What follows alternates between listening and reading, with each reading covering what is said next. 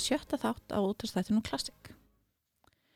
Ég heiti Nanna Kristjánsdóttir og í dag ætla ég að segja ykkur frá Henry Purcell.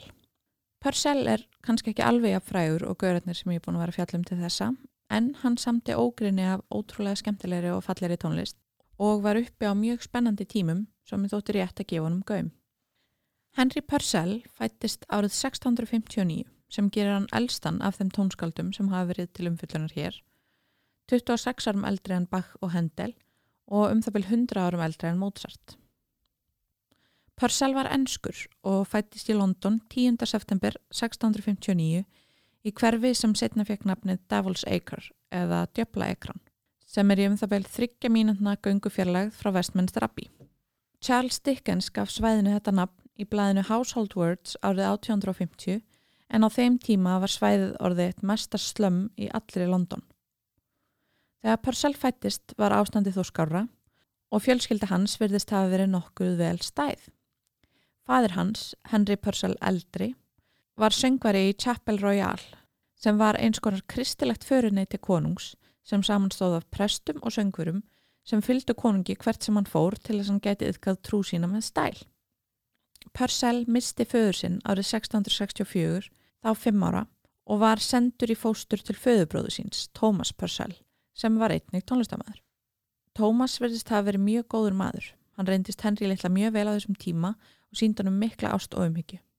Hann var, líkt og bróður sinn, meðlimur í Chapel Royale og sá til þess að Henry litli fekk stöðu þar sem kórdrengur og þannig hófst tónlistamöndun Purcells.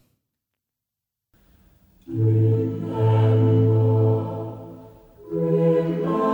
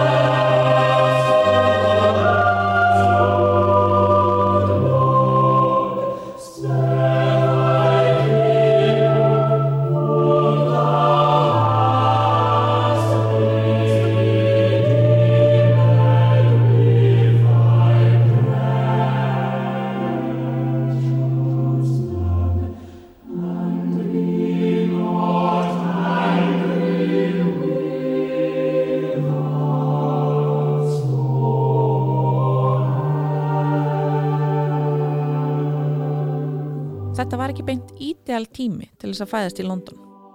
Árið 1665 þegar Purcell var 6 ára braust út kílapestarfaraldur eða bubonic plague sem hefur verið kallaður London pláan mikla. Kílapest sem lýsi sér helst í hefðbundnum flensuenginum og bólgum eittlum sem stundum ná upp á yfirborðið og rjúfa húðina getur dreyið fólk til dauða á eina við viku ef hún er ekki meðhandluð. Þessi kílapest er lík því sem hrjáði fólk þegar svartidauði tröllreið öllu um miðja 14. öld en hann var skæðasti heimsfaraldur sögunar. Kílapestin gerði sér satt aftur vart við sí í London árið 1665 og dróð þá 100.000 lundunar búa til dauða. Purcell litli slapp sem betur fer. Árið setna, þegar menn voru rétt að ná sér eftir pláuna, tók ekki betra við. Því árið 1666 brann basically öll gamla London til grunna í því sem kalla hefur verið The Great Fire of London. Eldurinn byrjaði heima í einhverjum wanker sem hétt Thomas Farriner sem var bakari við Pudding Lane, rétt vestan við Tower of London. Auðvitað lifði hann af sjálfur og ekki nómið það heldur tókst hann að klína sökina á saklausan mann, frakkan Robert Hubert, sem er endar mjög gott nafn, sem var ekki einu í London þegar eldurinn kviknaði. Húbert var enga síður hengdur 27. oktober 1666 fyrir að hafa kveikt í að tilskipan Pávans sem að er bara algjört bull. Eldurinn stóð yfir í 120 klukkustundir og gjör eðilaði nánast allt innan hins gamla rómverska borgarmúls þar sem kallað var City of London og er nú í dag City of London. Þar á meðal 13.200 hús, 87 kirkjur og ógrinni af ofenberum byggingum.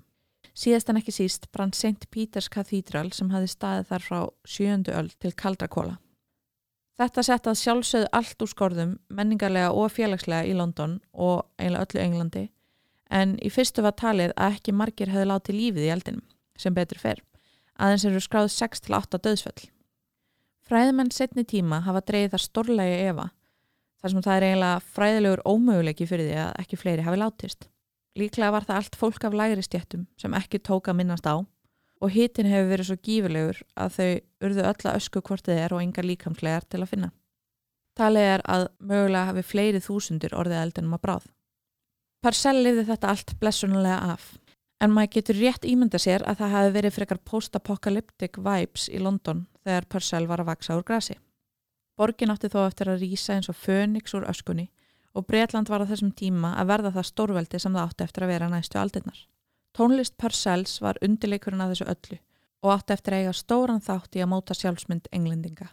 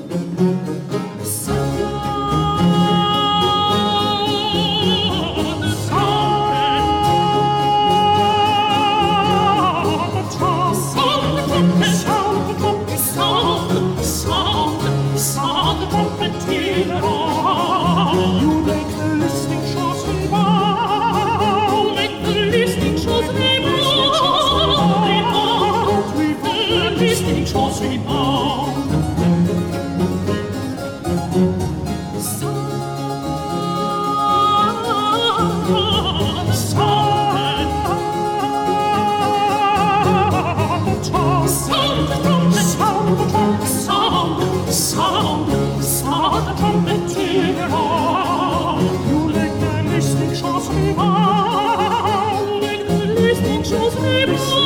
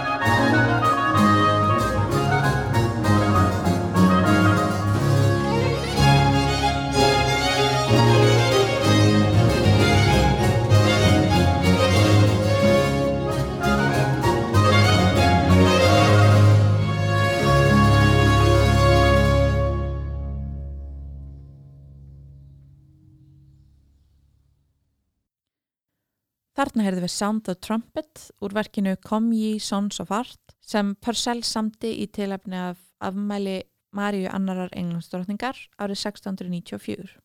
Því miður er ekkert sérstaklega mikið vitað um Purcell. Við veitum ekki einu svona almennilega hvernig á að bera nafnið hans fram. Ólíkt tónskaldunum sem ég fjallaðum hér áður skilda nánast ekkert eftir sig af persónulegum heimildum á borð við dagbækur og bref. Það eina sem við vitum um hans persónulegu hægi er það sem hægt er að nálgast í ofenbörum skjölum.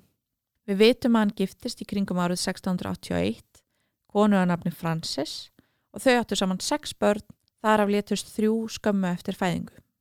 Við vitum hvað hann fættist, St. Anne's Lane, hvað hann bjó, Bowling Alley East, hvað hann dó, Marsham Street og hvað hann starfaði, Westminster Abbey.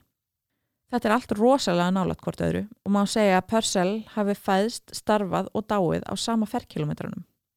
Þrátt fyrir það að svona lítið sér vitað um æfans er hann lungu orðin íkon. Þar sem að tónlistin sem hann skildi eftir sig á sinni tulltilega stuttu æfi snerti á nánast öllum sviðum ennsk samfélags. Hann samti tónlist fyrir kirkuna, ofinberar serimónir, skemmti og danstónlist, óperur og djamtónlist. Geri aðri betur. Fyrstu verkinans voru mestmægnis trúarlegsæðlis, ekkert endilega af því að hann var svo trúaður, þó það megið þetta vera, heldur fyrst og fremst því það var lenska þess tíma og langvinsalasta viðfangsefnið. Heyrum hérna eitt af eldri verkum Purcells, Hear My Prayer, O Lord, sem hann samti árið 1682 þá 23. Tækið eftir hver listilega hann tvinnar röttunum saman og hvernig uppbygging sálmsins er. Lælínan er eitt langt crescendo sem þýðir hún byrjar voðalega veik og viðkvæm en verður alltaf sterkari og sterkari og nær hápunkti í loklags.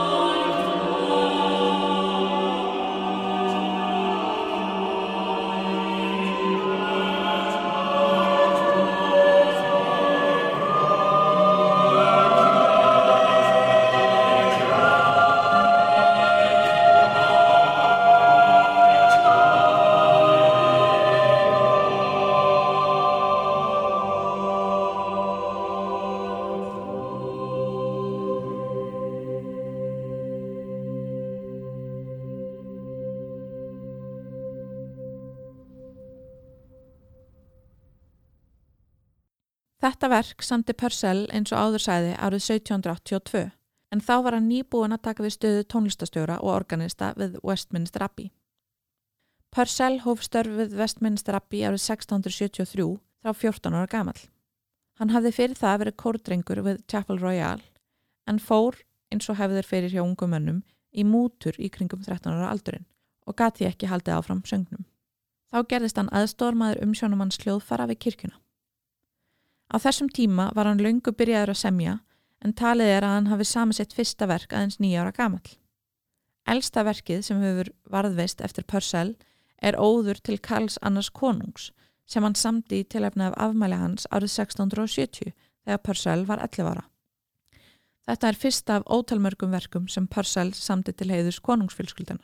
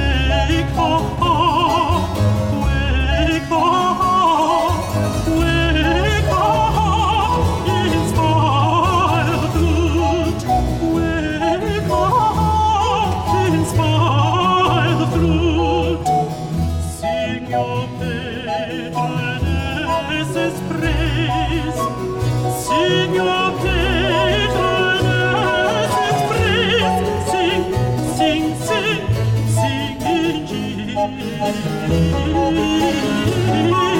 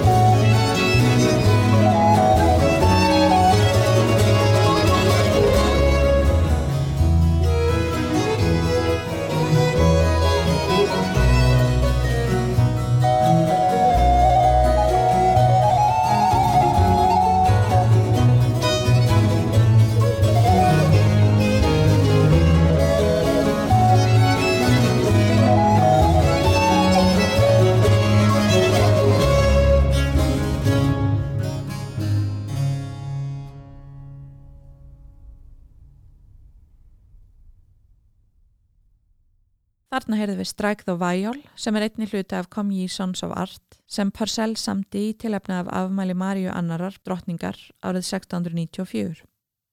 Á tímum Purcells var allt á suðupunkti í einskum stjórnmálum. Rétt áður en að Purcell fættist lést Oliver Cromwell sem náði aldeilis að hrista upp í hlutunum hjá þeim á Breitlandsegjum sem leiðtói bresku borgarastyrjaldarinnar sem endaði með því að Karl I. englandskuningur var hálshögvinn sakaður um að stefna að einveldi með stjórnarháttum sínum og komið var á líðveldi að nafnu til. Cromwell breytist samt sjálfur eiginlega bara í einvald og var fyrir það tekin af lífi. Eða reyndar dóan af náttúrulegum orsökum fyrst árið 1658 en var posthumously executed eins og það er kallað á ennsku árið 1661. Höfuðið var skorið af líkinu og haft til sínis á stöng fyrir utan Westminster næstu 15 árin. Þannig já, það var mikill hitt tímunum. Eftir fráfall Cromwells var konungsvaldinu komið aftur á eftir þessa skemmtilegu tilrun og Karl Annar tók við árið 1660 þegar Purcell var einsás. Karl Annar var döðhrættur um að pláan og eldsvoðin og aðrir pólitískir örðuleikar myndu starta annari borgarstyrjöld. Því var mjög dýrmætt fyrir ennska ráðamenn að eiga tónskáld sem samti tónlist sem saminæði og sefaði þjóðina.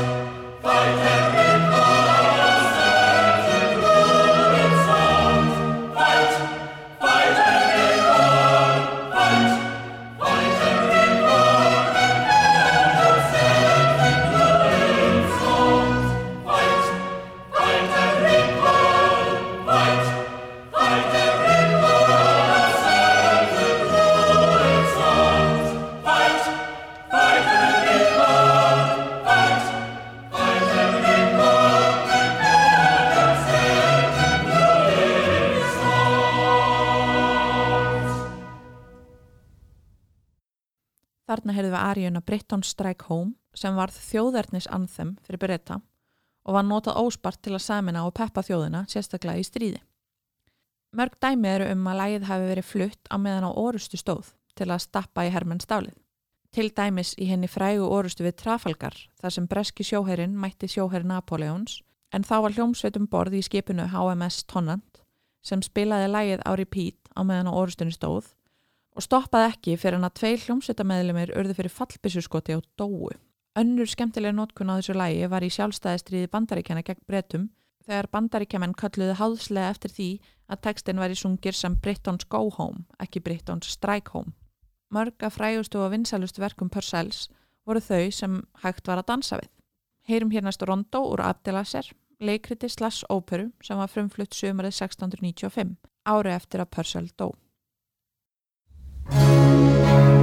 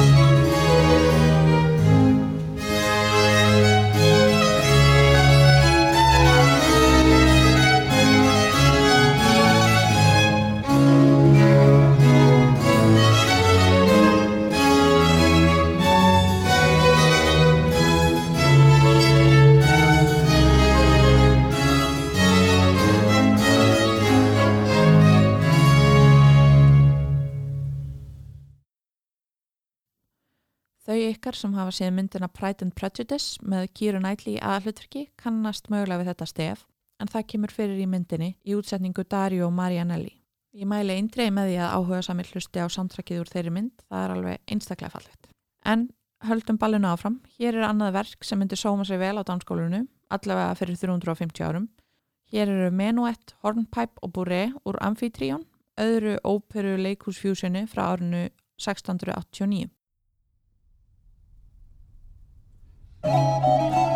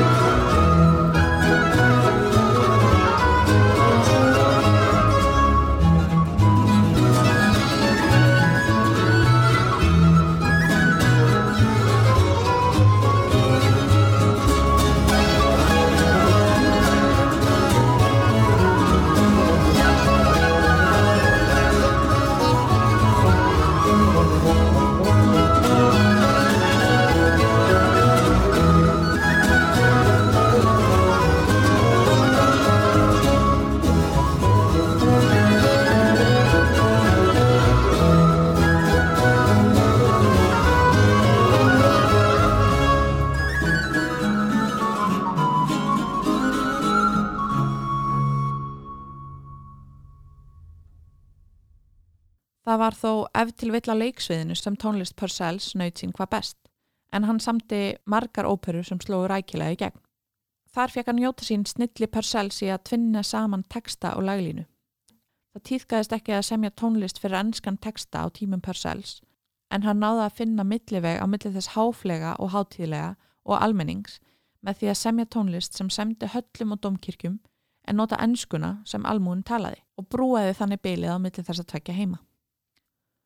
Hann hafði alveg einstakann skilning á hrinjandi og hljóm ennskunar og er algjör önun að hlusta á hvernig hann beitir tungumálunu. Hann leik sér líka oft með leikrana tilburði á sviði í verkum sínum.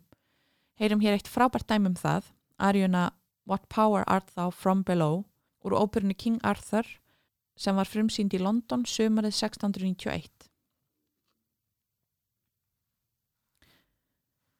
Hér syngur hinn góðsagnakendi Cold Genius sem er einhvers konar vetrar góðsagnavera sem hefur verið vakin upp af svefni sínum og af leikrannu tilbyrðunum að dæma er honum frekar kalt.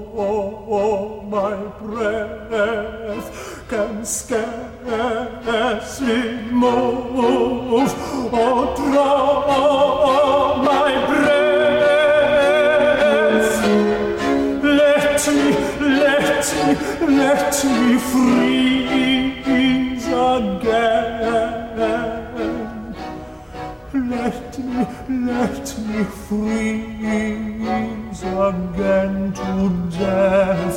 Let me, let me, let me freeze again to death.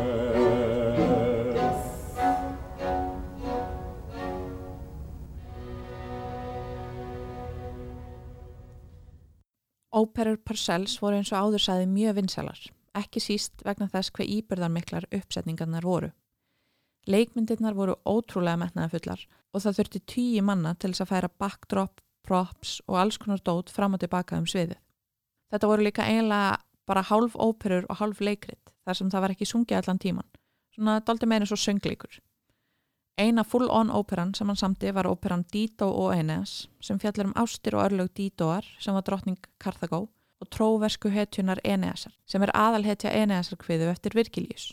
Dido elskaði Eneas út af lífinu en Eneas yfirgefur hana til þess að stopna Rómaborg út af því að guðirnir fyrirskipa það. En Dido er svo miður sín að hún ákveður að taka lífsett. Heyrum hér aríuna sem hún syngur rétt aður en hún deyr When I am late in earth, einnig þekkt sem Didos lament. Taki eftir bassalínunni en hún helst svo sama í gegnum alla aríuna. Þetta er kallað ground bass og er Purcell algjör snillingur í þessu.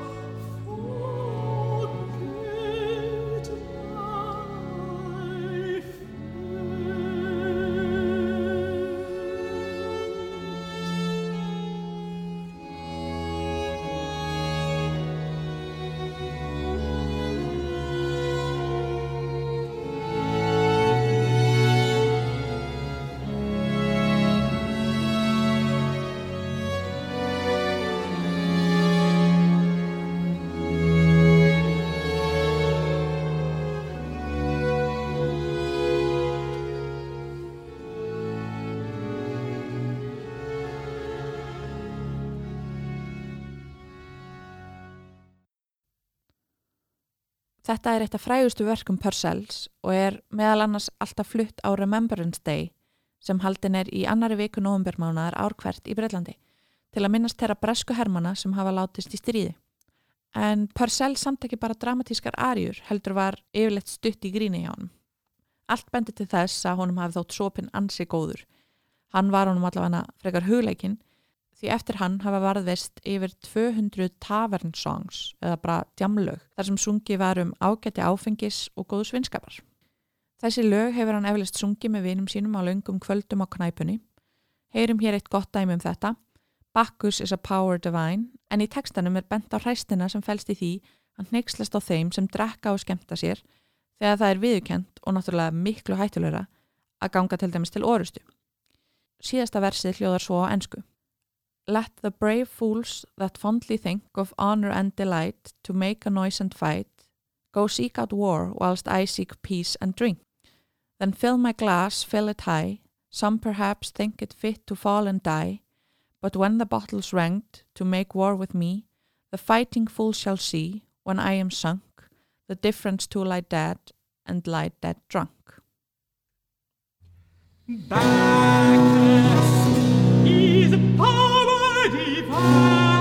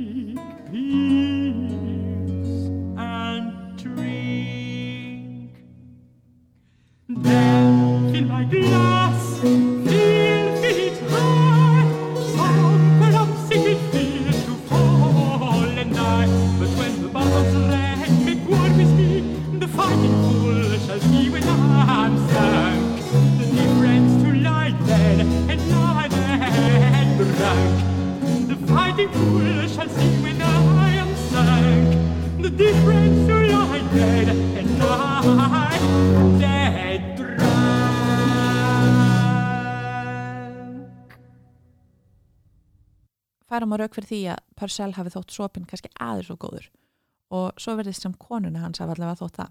Því eitt skipti þegar hann kom heim rétt fyrir sólar upprás eftir langt kvöldabarnum læsti konan hans hann úti því hún nefndi ekki að díla við hann. Hún hefði betum að hleypa gamla inn því að hann veiktist í kuldanum og dó stuttu síðar, aðeins 35 ára gamall og á hápunkti ferilsins. Purcell var allri ennsku þjóðinni mikill harmdöði og var laðið til hinstu kvílu við hliðin á orgelinu í Westminster Abbey þar sem hann starfaði allan sinn feril. Það sem skein alltaf í gegn hjá Purcell var hrein ástriða hans fyrir tónlist og hann samti mörg lög hreinlega í þeim tilgangi að dást að því kraftaverki sem fallið tónlist er. Heyrum hér næst lægið Music for a While sem Purcell samti í kringum árið 1679. Tekstin lýsir því hvernig tónlist getur fengið mann til að gleima vandamálum sínum um stundarsakir.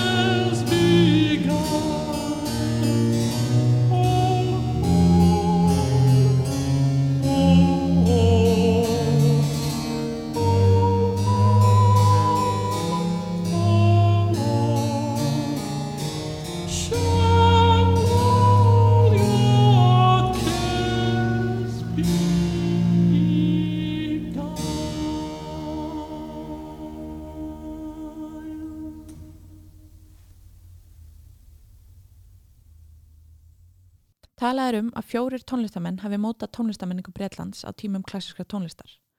Purcell, Georg Fredrik Händel sem við fjöldluðum um hérna um daginn, Jósef Haydn og Felix Mendelssohn. Af þessum er Purcell sá eini sem er ennskur, hinir ímist þýskir eða austurískir. Händel, Haydn og Mendelssohn komu allir með erlend áhrif inn í ennska tónlist á meðan Purcell var fundamentally ennskur. Ekkert ennst tónskáld átti eftir að ná þeim hæðum sem Purcell náði fyrir en Edward Elgar kom sá og sigraði upp úr aldamóturum 1900. Hann samti meðal annars þið fræga Pomp and Circumstance. Áhrifa Purcell gætir víða í ennsku samfélagi. Trúartónlistin hans er hortsteinn ennsks kirkjustarfs og þar sama má segja um það tónlist sem hann samti fyrir konungsfjölskylduna. Hann hefur einni haft mikil áhrif á breskan og í raun alþjóðlegan popkúltúr. Soundtrackið úr A Clockwork Orange er að miklu leiti unnið úr tónlist sem Purcell samti fyrir útferð Maríu drottningar. Stór hluti af tónlistinni úr myndinni Kramer vs. Kramer er eftir Purcell og tónlistamenn að borðið Pet Shop Boys, Jethro Tull og The Who hafa einni þegi mikið frá honum. Meðal annars hefur Pete Townsend úr The Who sagt að Purcell sé einn stærsta inspirasjónin fyrir læginu Won't Get Fooled Again sem kom út árið 1971 þannig að það er ljóst að Andi Parcells lífur enn þó að æfi hans hafi verið stutt. Música